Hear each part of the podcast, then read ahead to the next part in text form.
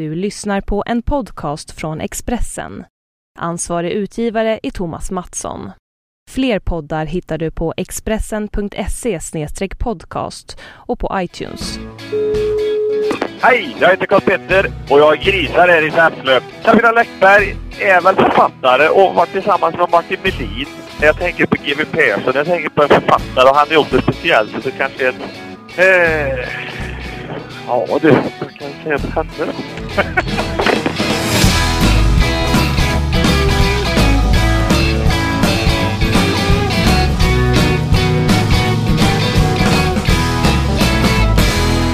Here we go again. Alltså det, ska du köra den här varenda Ja, gång? jag, jag älskar den låten. Ja, jag Ja, märker men det. Vi var- kanske kan spela upp den nästa gång Ja. istället så vi slipper höra dig sjunga. Bitch! Gud vad jag älskar dig egentligen. Ja men denna veckan vet du, vi har, vi har, vi har en fantastisk gäst denna vecka. Du Ja. är Camilla Läckberg. Ja, och man har ju mycket som man vill prata med henne om. Ja, Men man ser henne överallt vet du. Ja, och hon är inte sen med att säga till om vad hon tycker och tänker om grejer. Nej, det, det är, för jag tycker det är jättemärkligt med henne egentligen. Privat, ja men vi är, vi är vänner privat. Men jag, hur hon balanserar allt. Ja. Från, från eh, författare till hemmafru, till mamma, till... Ja, men också det här att hon är så här kompis med alla sina ex och deras tjej-ex och jag vet inte allt vad det är. Jo men det, det, hon har en jättekonstigt Ja, livsinställning. vi, vet du. vi bjuder in henne tycker jag. Nu är det dags för Camilla Läckberg!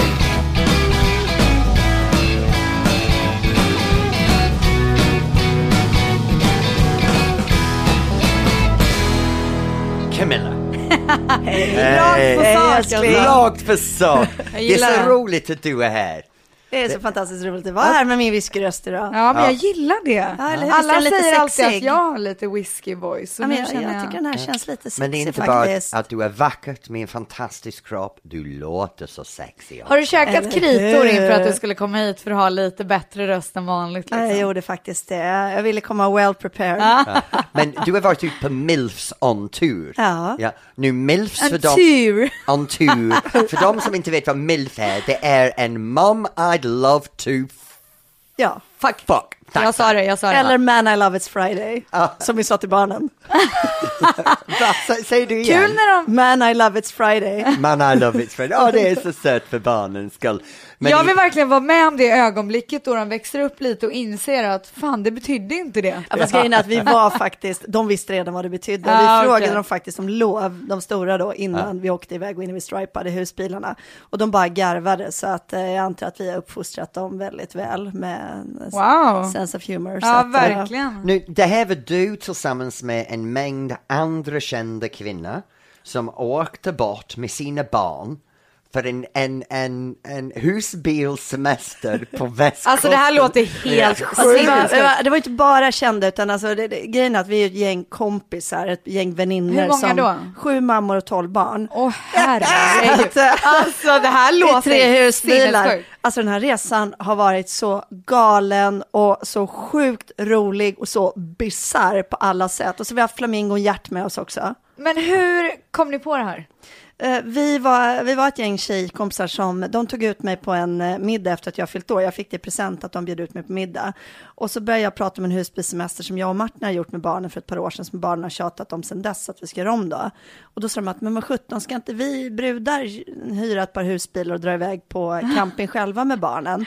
Och så föddes idén och så kom namnet sen efter ett par glas vin, kanske, bara jag Det är mycket vin och mycket idéer känner jag. Men gre- grejen är så här, för, för, för alla människor ser du som det här stor internationell författarinna som skriver om Sverige men är det mest inne, trendiga kvinna, finns överallt på stora plan, Dubai, New York, riktig globetrotter. But, you- nöjer but du you dig- know better Tony. För Sen du nöjer dig för att åka bort med barnen i en husbil på västkusten. Ja, vilken Jag menar, jäkla hur, hur, kontrast, hur kontrast alltså. är det? Fast jag älskar ju det där och grejen att jag är uppväxt, jag menar jag är uppväxt på en liten ort, jag är ju en lantlolla i själ och hjärta, alltså jag, jag bor ju i, jag fem par foppatofflor i olika färger. Åh herregud. och jag menar det, det där trodde jag inte om dig det, här- det Camilla. här ser liksom som jag har på mig idag är typ min uniform, liksom slitna jeans, det är så jag ser ut till vardags. Så att, så att det blir en lite skev bild när man ser mig bara i tidningar på tv, där man är uppglammad och håret är fixat och sminket på och sådär. Jag, jag ser ju typ förjävlig Vad ut till trivs du vardags, bäst liksom. i då?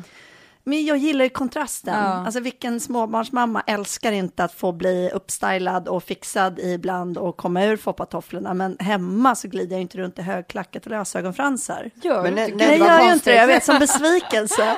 Men när du var liten, hade du det här dröm och fantasi av din glamorösa glitter-livsstil? Nej, jag drömde om att bli författare. Det fanns ju ingen dröm om att, någon glamour alls. Däremot så drömde jag om att ha långt hår, för min mamma tvångsklippte mig alltid kort.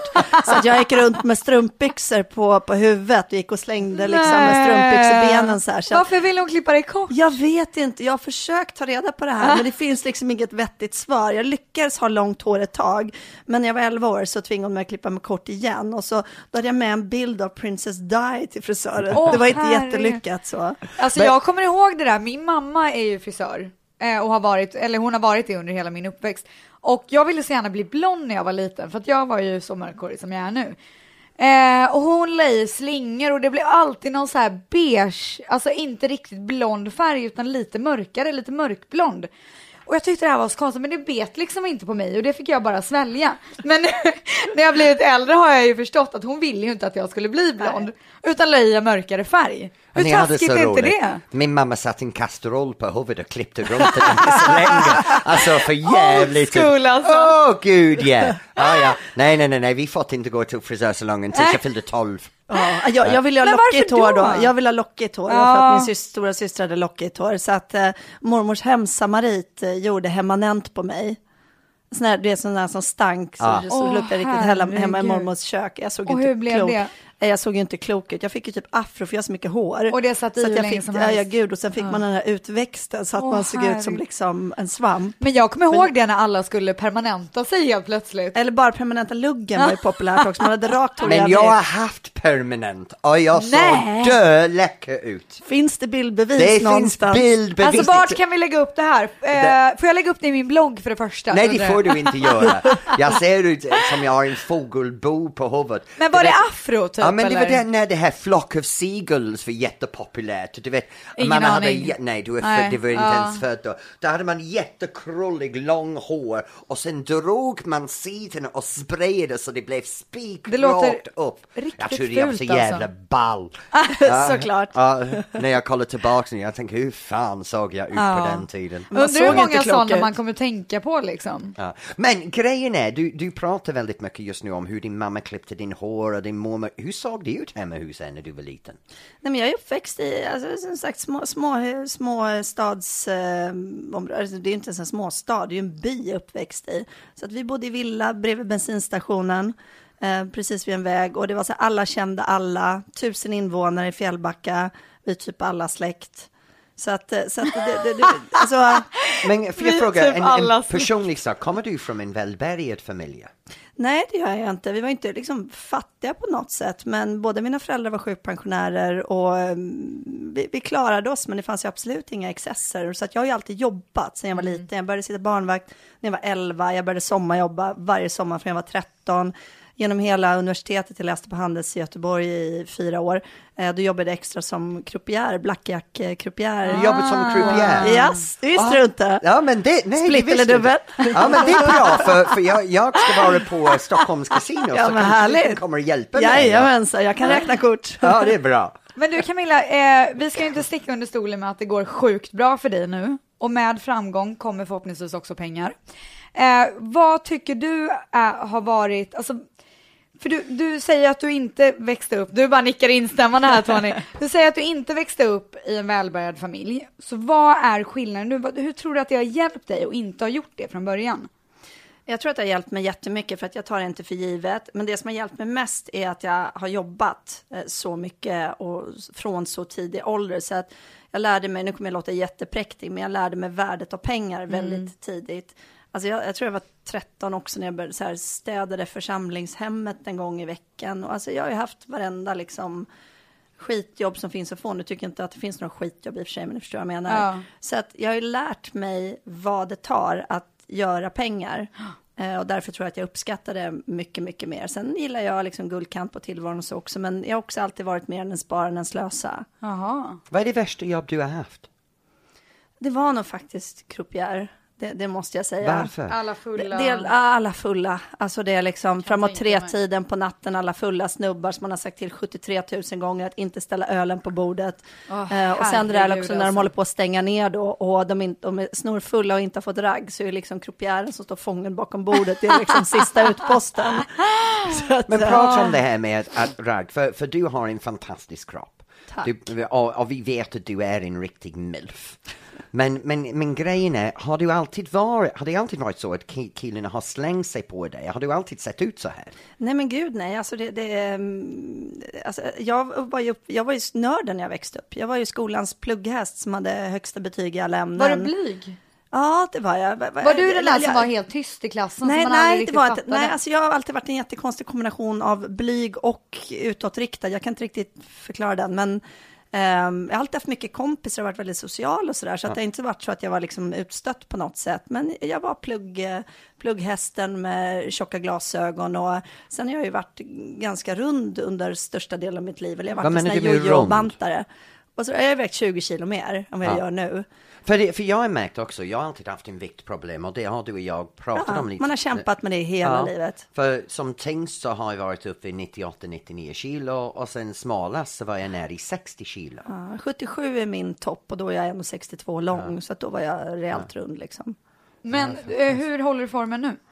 Jag började med LCHF för sju år sedan eh, och det löste alla liksom Kan du inte berätta lite, vad är LCHF för de som inte vet? Ja, men man tar bort kolhydraterna i princip. Nu kör jag kanske 80-20 när jag ska hålla vikten nu bara så håller jag 80-20 och för mig är det, liksom, det är ingen bantningsmetod utan det är ett sätt att äta för mig som jag Men- mår bra av. Jag är och- piggare, jag är gladare, allting. Är det det liksom. enda, att man tar bort kolhydrater? Ja, sen borde jag väl kanske träna lite mer också, men jag har faktiskt inte tränat någonting. När jag var Nu med Let's vet jag att du så- ljuger, för det som Camilla inte berättade sen hon var med i Let's Dance så har hon fortsatt att dansa. Ja, så att efter det så har jag faktiskt, ja. Ja, så hon har, hon har en danspartner och du faktiskt är aktivt tävlande. ja. Va? Ja. Nej men berätt, gud vad spännande. Du fick mer smak efter Nej, men alltså, jag fastnade så enormt för, för att dansa. Jag tyckte det var så sjukt roligt. Så att eh, typ ett halvår efter Let's Dance så skickade jag ett mess till Tony. Bara, jag måste fortsätta dansa. Hur ska jag göra? För jag grejer inte det här att bara gå, jag är en tävlingsmänniska. Jag, Ja. jag, jag grejer inte det att bara gå hobbystuffa två gånger Nej, i veckan. det förstår jag. Och inte ha det till någonting. Man vill ha något mål liksom. Ja, precis. Så att då, då eh, satte Tony ihop med Stefano som dansade med Jasmine Cara i år, i årets Let's Dance. Ehm, så att eh, jag tränar tillsammans med honom. Vi tävlar i en kategori som heter eh, Pro-Am, ett proffs som tävlar tillsammans med en amatör. Och vi körde vår första tävling i New York förra året. Åh jäklar. Och resultatet var att du kom. Tvåa. Nej! Ja. En applåd för det Ja, det var alltså. så sjukt kul. Det var så Men sjukt kul. vad Så var det är du latin. dansade då? Men alltså jag ryser, vilka jävla tönt Ja, det är det latin eh, också på Tonys rekommendation, för det är det jag har, mm, det det är det jag har svårast för, för att eh, i Let's Dance var det så jag hade lättare för standarddanserna, de här som är lite elegantare, lite stelare, så här, medan jag hade väldigt svårt för det här att stå av mig, som jag sa. Eh, jag var vid något tillfälle när vi skulle träna rumba, när min, eh, min eh, dansare då vid tillfället stod och skrek i frustration eh, på mig vid slutet av dagen, bara, men var sexig då för fan kvinna! Eh, alltså jag har aldrig varit den som har ka- kastat med håret Nej. eller stått och liksom sådär. Jag har aldrig haft det maneret. Jag har aldrig spelat på min kvinnlighet på det sättet. utan Jag har ju snackat om kul mina killar liksom. Ja. Så att, eh, Så då tog du det som en utmaning och bestämde Ja. dig för att tävla i det? ja.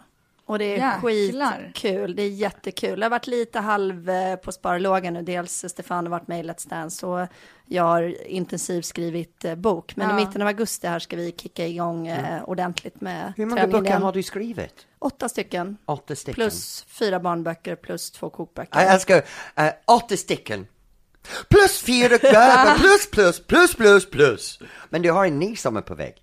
Ja, den, ja, det är den jag håller på att skriva på nu, så att, eh, den kommer i november. Jag tänkte att den ska komma, Lejontime är den, så att jag är precis i slutfasen på den. Men jag måste fråga, att, att gå från den barndom du hade och läsa på uh, hög, Handelshögskolan i Göteborg och jobba som croupier till att vara författare. Nej men vänta lite nu, jobbade inte du med ekonomi också emellan det? Ja, men det gjorde jag. Efter, efter handel så Vad- jobbade jag i fem år som civilekonom. Hur i helvete hamnade du som författare? Ja exakt. Ja, men Jag, gick en, jag, gick, jag har ju alltid velat bli författare, det är ju det som alltid varit min, min rockstjärnedröm. Men det, det kändes verkligen som en rockstjärnedröm, för det kändes inte som någonting som man kunde göra på riktigt, utan bara någonting man drömde om. Eh, Men jag har alltid, alltid haft den drömmen. Och så gick jag en skrivarkurs, jag Hur kommer tror det sig att du 98. gjorde det?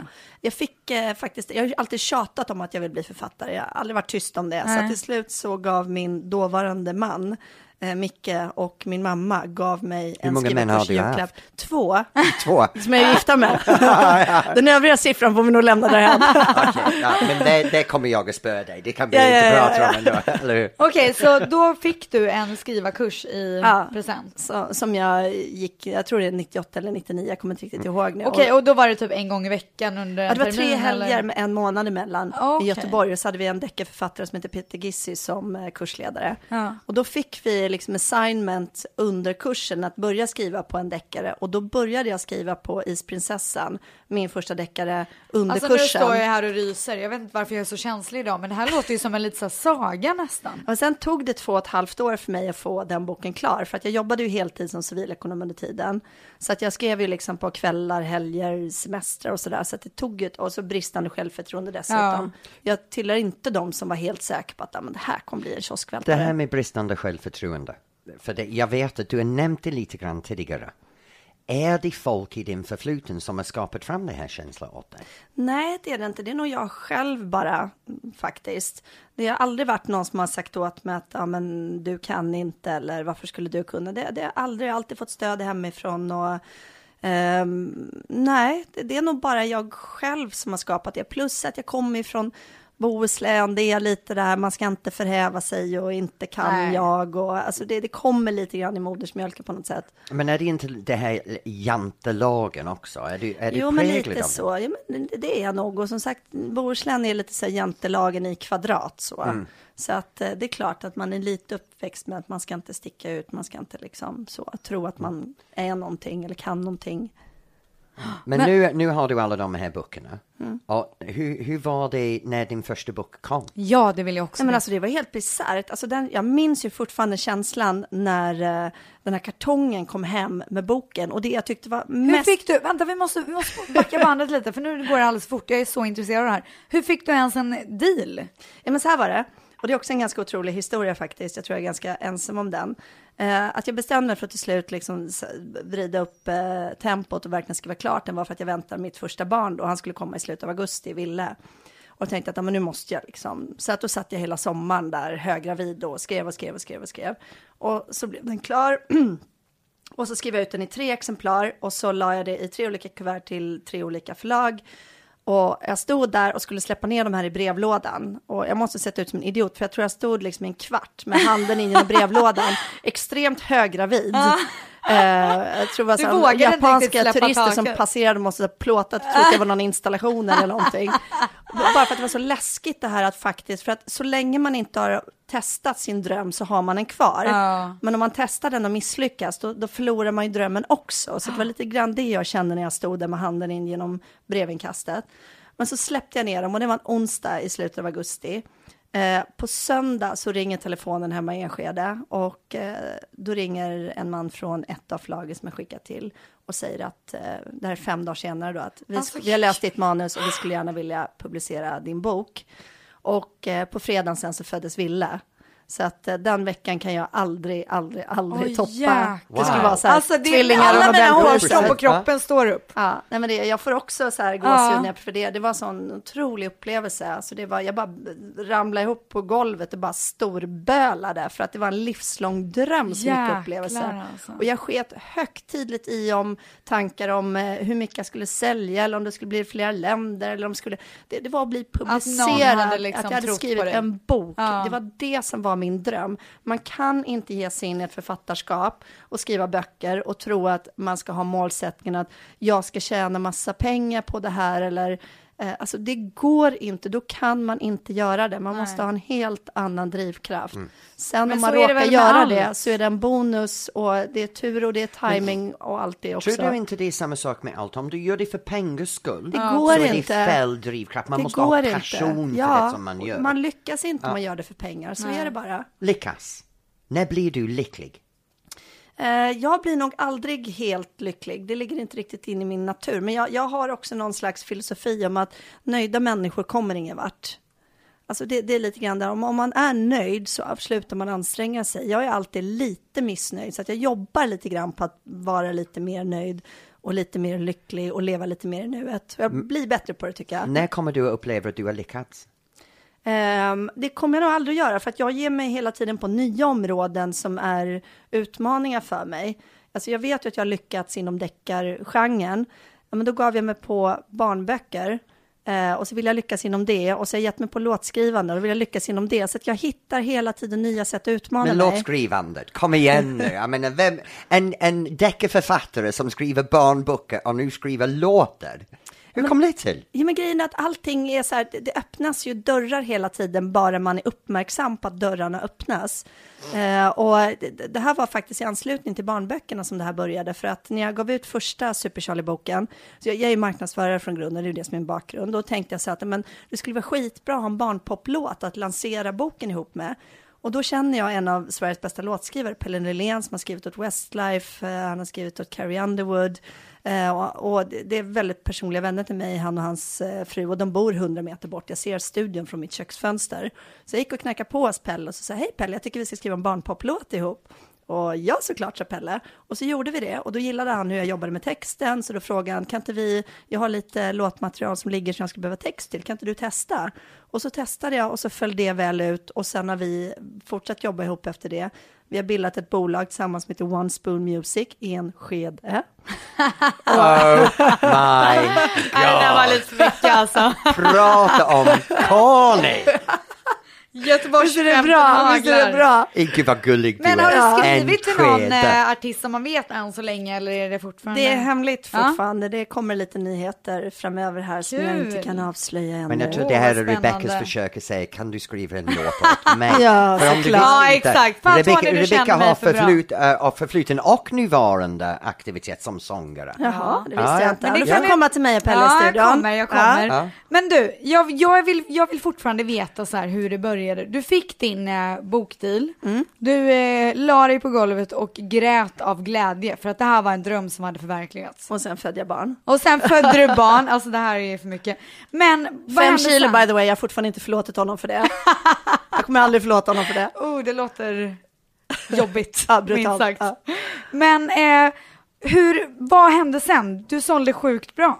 Nej, alltså det alla tror ju lite grann, så i efterhand så ser ju allting ut som, eh, som man slog igenom över en natt. Jag blir Ja. alltid lika irriterad när jag läser det i någon artikel, att ja, Camilla slog igenom över en natt. Det var en väldigt lång natt i så fall, det var en väldigt, väldigt lång natt.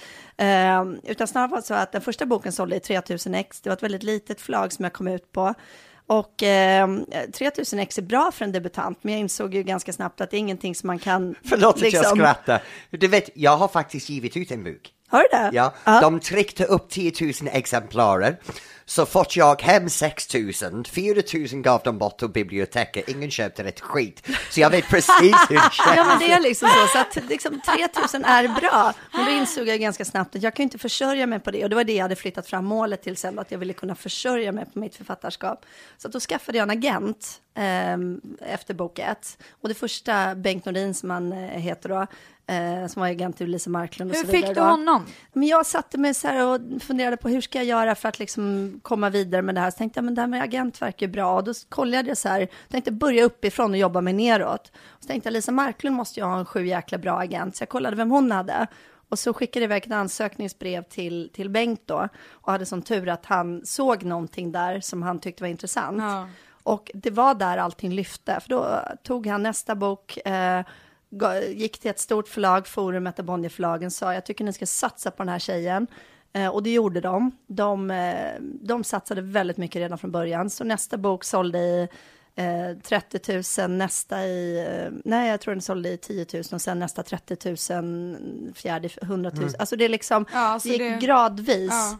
Eh, Så det var absolut ingen sådär över en natt. Och jag har ju gjort extremt mycket fotarbete själv. Jag har ju rest runt på biblioteken runt om i Sverige. Jag har stått liksom uppe i Arvidsjaur och pratat, jag kommer inte ihåg om det var just Arvidsjaur, men någonstans långt norröver var jag i alla fall och pratade. Det var sex personer som kom och jag har suttit och signerat eh, i någon bokhandel där, där man har suttit helt själv och lekt med pennan i en timme. Men det här, där har ska du inte till. Bara, det här har du inte bara gjort i Sverige. Nej. För jag, nu ska jag berätta en liten sak och, och det, det här är så roligt. När jag träffade Camilla första gången så jag ringde hem och satt och pratade med min morsa i telefonen. Och så säger jag, ja och nu har jag träffat en person som jag tyckte var jättehärligt, Camilla Läckberg. Läckberg? Camilla, ja författarina. Åh, oh, Camilla Lackerberg! Ah, ja, Camilla Lackerberg! Ja, ja, ja! Åh, oh, men, åh, jag läser hennes bok just nu, åh, det är fantastiskt!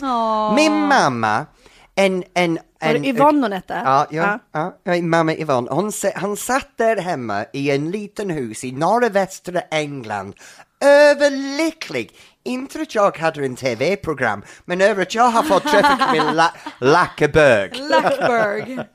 Ja, men det är sånt som jag känns så, sånt känns ju så overkligt för mig. För jag har ju fortfarande någon känsla av att det är bara mamma som läser böckerna. Så att när jag är utomlands någonstans, och jag, var ju precis, jag har precis varit på en PR-turné till Nya Zeeland och Australien. Och det är också så här helt märklig känsla. Man fyller en hel seminariesal med flera hundra människor som är där för att lyssna på en och har läst alla ens böcker. Och i Spanien så är det helt galet.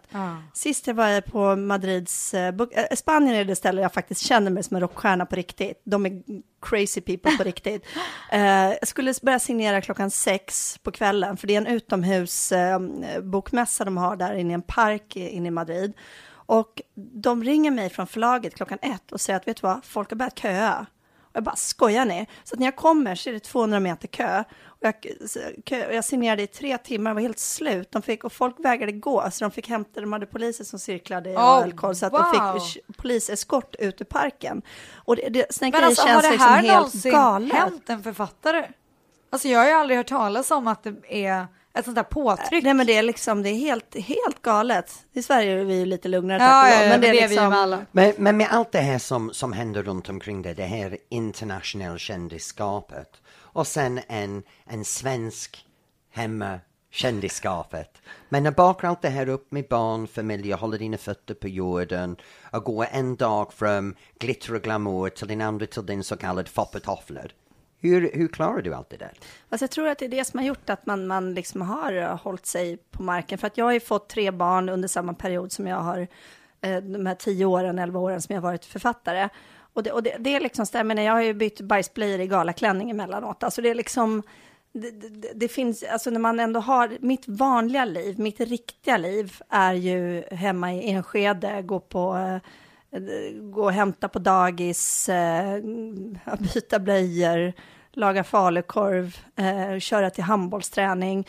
Det är ju det som är liksom basen i mitt liv. Sen är ju det andra guldkanten. Och vem, vem tycker inte, skulle inte tycka det var fantastiskt att få gå på någon premiär emellanåt och komma hemifrån. Och, så att jag ser det mer så, att det är det som är liksom strösslet.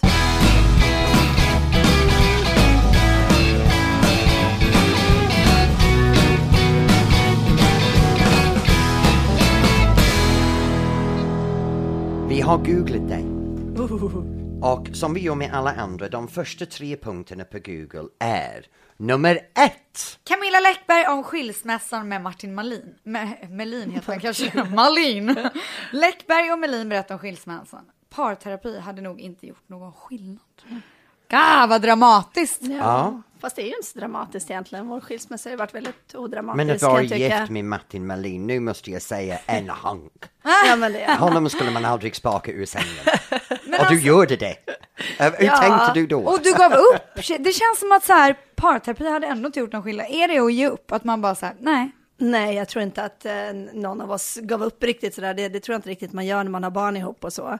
Men jag tror också att tricket lite grann, jag har haft två väldigt, om det nu finns någonting som heter lyckliga skilsmässor så har jag ju två väldigt lyckliga skilsmässor bakom mig där jag fortfarande har en väldigt bra relation med båda mina exmän. Och tricket med det tycker jag är att man vet när man ska bryta. Många kör ju det i botten Ja. innan de bryter. De kör det liksom till den nivå där det har sagt så mycket saker som aldrig går att ta tillbaks och det går aldrig att reparera och man har inte kvar varken någon omtanke eller respekt eller någonting för varandra längre. Men det känns ju som att det är ganska ovanligt att båda bara, ja, det är, vi kör, nu är det slut innan eh, vi drar i botten. För det är alltid någon som kanske klamrar sig fast till slutet. Fast det är det som också jag tycker är så sorgligt, att det har blivit, en- det har blivit en accepterad norm att en skilsmässa ska vara dirty och full av bråk. Och det, det, folk blir förvånade över en skilsmässa som går civiliserat till. Så jag tror lite grann att vi har så här börjat acceptera att man får äh, uppföra sig precis hur som helst när man skiljer sig. Det, har- det har blivit så där, ja men det är så det ska vara när man skiljer sig. Man, man ska hålla på och bråka, man ska hålla på och kalla varandra saker och man ska hålla på och tjafsa och eh, jag, jag tycker inte, jag gillar inte att göra saker på ett visst sätt bara för att man tror att det ska vara så.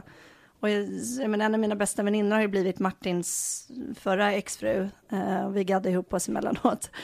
mot Men det är också Martin. helt galet. Ja, men det är så här, jag gillar att bryta mallen för hur relationer ska se ut. Vem säger att man inte kan ha en relation med sin eh, mans exfru? Jag menar, uppenbarligen har man ju samma smak i fråga om en, om en hel del. Så att, jag menar, man Jo, men borde vadå? ha en del Kan gemensamt. Ja. Jag kan ju förstå att man kanske inte vill bli kompis med exet för att det kan störa en. Alltså så här, de har legat i sängen tillsammans i flera år. Nej, men och sen så ligger ju nu ni tillsammans i, i, kanske inte den sängen, men någon annan säng. Jag menar, det är liksom så här svartsjuka, avundsjuka, alla de där grejerna som faktiskt är normalt för ett vanligt liv. Fast det där För en vanlig person. Nej, men det är inte. Det där Men det är väl klart det Lyssna till släpper farfar. är- Nu, nu lyssna, lyssna till, till, till, nu kommer jag säga tant Camilla och farfar Tony. Ja, Nu- men alltså nu- ni nu- kan faktiskt inte gå på yngre-kortet här att jag är yngre, för det har ingenting med saken att göra. Vissa pallar inte att vara kompis med Nej, den så. andras ex, och det är ju normalt. Men det är ju en otrygghet. Ja, Eller hur? Om, man, om man är trygg i sig själv och vet vad man har sin förhållande Ja. Så är man inte rädd för förfluten, för Jo, jo, förfluten man är kan- förfluten. Absolut, och man kan veta vart man har sitt förhållande, men man behöver inte veta vart man har den där tjejen som är exet, eller killen som är exet. Fast, fast de är ju liksom inte ihop längre. Nej, men vem vet vad som händer? De har ju ändå något väldigt, ett väldigt stort förflutet tillsammans, obviously. Eh, och så här, tänk om hon börjar göra närmanden eller... Vad är det värsta Finns de inga kan göra? sådana- Men att hon, Ja. att du har gett, eh, att du har varit lojal mot henne, ni har blivit vänner och sen så stöter hon på honom. Ja, det finns inga garantier i livet, men det är, det är så här risker som är du värda tar att så ta. lätt på det här och Ja, jag men vill det så förstå här- det. Men nu, nu börjar du förstå. Camilla Läckberg är 100% naturligt, rakt på sak och verkligen det som man ser är det som man får. Ja, en sann på gott och person. ont. Men, Men jag här tycker kommer att det nästa. fantastiskt. Här kommer Vänta, din jag vill bara säga. Oj, ja, men jag måste bara säga. Jag ifrågasätter det för att jag är väldigt nyfiken och förundrad. Men inte för att jag tycker negativt om det. Fast grejen är också att det man måste se också att det är inte så att det var från dag ett. Det funkade. Det är ju en process. Det Exakt. tog ju ett tag. That's Men- what I'm saying! Nej men alltså visst var det så här två steg fram och ett tillbaks ibland. Ja. Men det är värt det när man väl liksom ser vad slutresultatet blir. Ja. Vi har ju till exempel då fem barn sammanlagt. Där jag fortfarande får tillgång till Martins barn på ett sätt som jag kanske inte hade haft annars. Ja. Och de barnen får tillgång till varandra, de ser varandra som syskon. Och min minsta och Martins minsta ser ju Kristina som um, extra mamma. Mamma Stina kallar han henne. Så att det är ju en gåva man har kunnat ge Verkligen. barnen om man var beredd att lägga ner den där tiden som det tog i processen. Men det är klart att det inte bara var liksom sådär så bara satt det. Nej, men som du säger, funkar det? Eh, så, Så är det ju en det. drömsituation. Ja, ja, då är det värt det. Nästa punkten på Google. Camilla Läckberg. Montesami är falsk. Hon är en diva, det har totalt gått henne åt huvudet, säger Camilla Läckberg. Nu ska vi gotta ner oss lite. Åh, vill du orsaka med fler rubriker igen? Nu börjar jag, för jag kommer att hänga med Camilla i det här. Det här har vi båda två starka Okej, okej, vänta, vi börjar från början. Maria Montazami. Ni var med i... Kärring! Vänta lite nu. Ni var med i Let's Dance tillsammans. Nej, det var, Nej. hon var med året efter. Hon var med året efter. Men hur börjar den här fejden? kan man kalla det för fejd? Nej, men jag kan väl ibland inte hålla käften, jag borde hålla käft, det är väl mer så. Men vad var det som hände? Nej, men det är väl ingen, det är väl ingen fejd egentligen. Jag bara um, tycker att den offentliga bilden stämde inte riktigt med den bilden som jag hade upplevt. Och vad är den offentliga bilden som ska vara gullig och ödmjuk och lite sådär? Blondin, Ja. lite blåst, väldigt Ja. gullig, väldigt Och söt. vad var det du upplevde? Jag upplevde väl raka motsatsen. Vad var det, men alltså hon, du träffade, du stötte på henne och hon var otrevlig eller, eller var det något mönster du såg? Nej, jag kan ju bara gå efter de tillfällena som vi träffades. Ja. I övrigt så, ja. Och då Vet var jag hon riktigt. otrevlig? ja. För att du delar inte med jag dig av det här rubriker och det här så jag bara så här, Jag kan, jag jag så- har kvar. Jag fick ju värsta rubriken för det där så du, Ja. du kan ju säga vad du vill utan att det... Ja. Ja, okej Tony, spit it out. Det är så här, what you see is definitely not what you get. Jaha. Det där är en väldigt bra paketerad produkt. Men innehållet är någonting helt annorlunda. Och det är mina ord, inte Camillas. Åh jäklar alltså. Men jag vill ju inte tro på er, det förstår ni ju. För jag köper ju den här bilden av Ja. Maria. Ja men vi alla har bild. Det är som med mig, jag har en fasad som är min produktsbild. Camilla har Ja, en man ska ju och bara- du alla har ska ju en. bara- Tony veta hur du är nej, men, egentligen. nej, jag skulle snarare säga Tony är ju liksom så här falsk marknadsföring på ett annat sätt. Ja, folk ja. tror ju att han är så här elak och bitsk och sådär, men han är ju snäll, han är ju för snäll egentligen. Jag är- jag är en snäll gammal gubbe. egentligen. så han är ju också falskt paketerad, fast åt andra hållet. Ja, ja, då är det för Bättre det skulle jag nog säga då. Ja, Okej, vi går vidare. Eh, Camilla Läckberg, vän med alla ex-kärlekar och det är det vi har pratat om väldigt mycket. Men nu, nu måste jag fråga, hur många ex-kärlekar finns det? Ja, men det finns inte så många, för att eh, med min eh, första exman så var jag tillsammans i 12 år med honom. Eh, och Martin och jag var ju tillsammans i, vad blir det, 5-6 år. Så att, så att jag band ju mig väldigt tidigt, jag var ju 20 år när jag träffade Micke då, min, som jag har mina stora barn tillsammans med. Åh. Vi går vidare till ett moment som vi har med alla våra gäster. Det är eh, fem svåra snabba frågor. yes. Och eh, du måste svara ärligt. Jag lovar att svara ärligt. Eh, fråga nummer ett, vi går hårt in. Vad tjänar du? Mycket. Det där måste vara det bästa svaret. Den men när, när det gäller vad du känner, känner du aldrig från folk att, att det kan vara lite avundsjuka på detta? Eh, alltså jag, jag måste nog umgås för rätt människor för att jag känner inte det faktiskt. Och eh, jag har vänner som jag känner är väldigt måna om att det ska finnas en, en liksom balans eh, i våra relationer. Och det är så här, eh, vissa vänner, jag kanske jag har möjlighet att ta notan på restaurangen, men eh, får jag mess om att men, trilla över hos oss ikväll, vi har Ja, gjort en jättegod bolognese. Alltså det är liksom, för mig är det samma sak. Ja. Så att eh, jag upplever att jag har en väldigt liksom, bra balans och jag har fantastiska vänner som inte ser pengarna utan ser mig. Men är det vänner som har varit med från början? Både och. Mm. Eh, jag, dels har jag mycket vänner som går väldigt eh, långt tillbaka i tiden. Umgås mycket med mamman i mitt kvarter som jag känt sedan barnen var små också. Och sen eh, har jag också nya vänner, även från kändisvärlden så att säga, som jag har lärt känna under åren. Men det är de man, det är samma med allting annat. Som på en arbetsplats så klickar man med vissa. Jag klickar med vissa som jag springer på i de här offentliga miljöerna. Vad kommer du rösta för i nästa riksdagsvalet? Eh, jag kommer rösta på Moderaterna. Varför? Reinfeldt läser ju mina böcker. Det minsta jag kan göra, det minsta jag kan Det är göra. en bra utbytestjänst. Ge tillbaka. Ja. När ljög du senast? Eh, jag, jag ljuger konstant för, för mina barn, så att det var väl säkert när, när barnen var över igår. Ja, men herregud, lögner är ju liksom så här... Dina barn kommer att lyssna på det här och gå Mamma, vad ljuger du om Ja, idag? men herregud, lögner är ju liksom så här stolpen i ett eh, aktivt och sunt moderskap. Den lilla är så här, allting sover ju när han vill ha, så här, han vill ha godis, godiset sover. Godiset sover! Den Jag vill titta på Svampbob. Svampbob sover nu tyvärr. Det är bara Emil som är vaken. Vem ogillar du mest i Sverige? Oj, eh, det skulle nog vara Jimmy Åkesson det. Jag kan faktiskt sätta ett plus på den. Jag håller med. Ja. Eh, sätt getingbetyg på dig själv och motivera 1 till 5. Eh, inom olika områden eller bara liksom ett, ett, ett all... eh, Ja. Men jag tycker att eh, alla kvinnor som kombinerar eh, barn och jobb och allting så här borde få fem getingar. Så att eh, jag utdelar absolut en femgetings... Hey! Camilla En femma! Läckberg ger sig själv en femma. En stolt arbetande mamma. Helt Absolut. fantastiskt. Ja. Ja, Ja. det var nog allt vi hade för idag tror jag. Ja, det här var väldigt Fan roligt. vad grym du är, Ja. måste jag säga. Helt Ja, underbart. jättekul att vara här.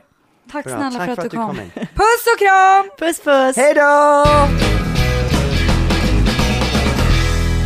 Ja, det där var Camilla Läckberg. Vet du, jag måste säga, vi umgåtts och jag, hälften av det där kände jag inte till, så det har varit en liten jaha, Ja, så Aha-upplevelse. tänker hon. Ja. Ja, det var mycket jag fick reda på också, men framförallt så här, Jag gillar hur eh, hon är väldigt rak på sak Ja. och även i sina svar.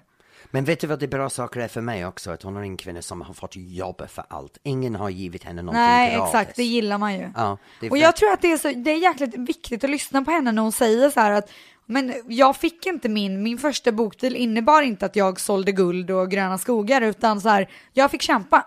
Mm. Och att hon är ärlig med det och säger det, jag tror att det är jäkligt viktigt för de som är aspirerande. Men jag undrar hur många folk faktiskt ser henne som en, en, en kvinnlig feministisk Ja. förebild. För om man kollar på det egentligen, hon har varit hemmafru, hon tar hand om fem barn, herregud. hon skriver sina böcker, hon är högutbildad, hon har jobbat upp sig från två föräldrar som var förtidspensionerade till att vara en internationell succéförfattarinna. Det där är en, en fantastisk förebild. Ja, Men jag undrar hur många folk blir avundsjuka istället. ja men typ i Sverige. Ja. Fy fan! Ja. Nu Camilla Läckberg, våra hjältar! Hurra! Fantastisk tjej! Ja, tack för denna vecka Rebecca. Tack själv! Puss och kram! Hej!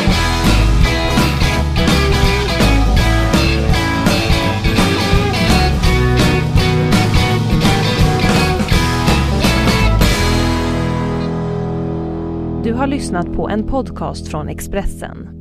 Ansvarig utgivare är Thomas Mattsson. Fler poddar hittar du på expressen.se podcast och på iTunes.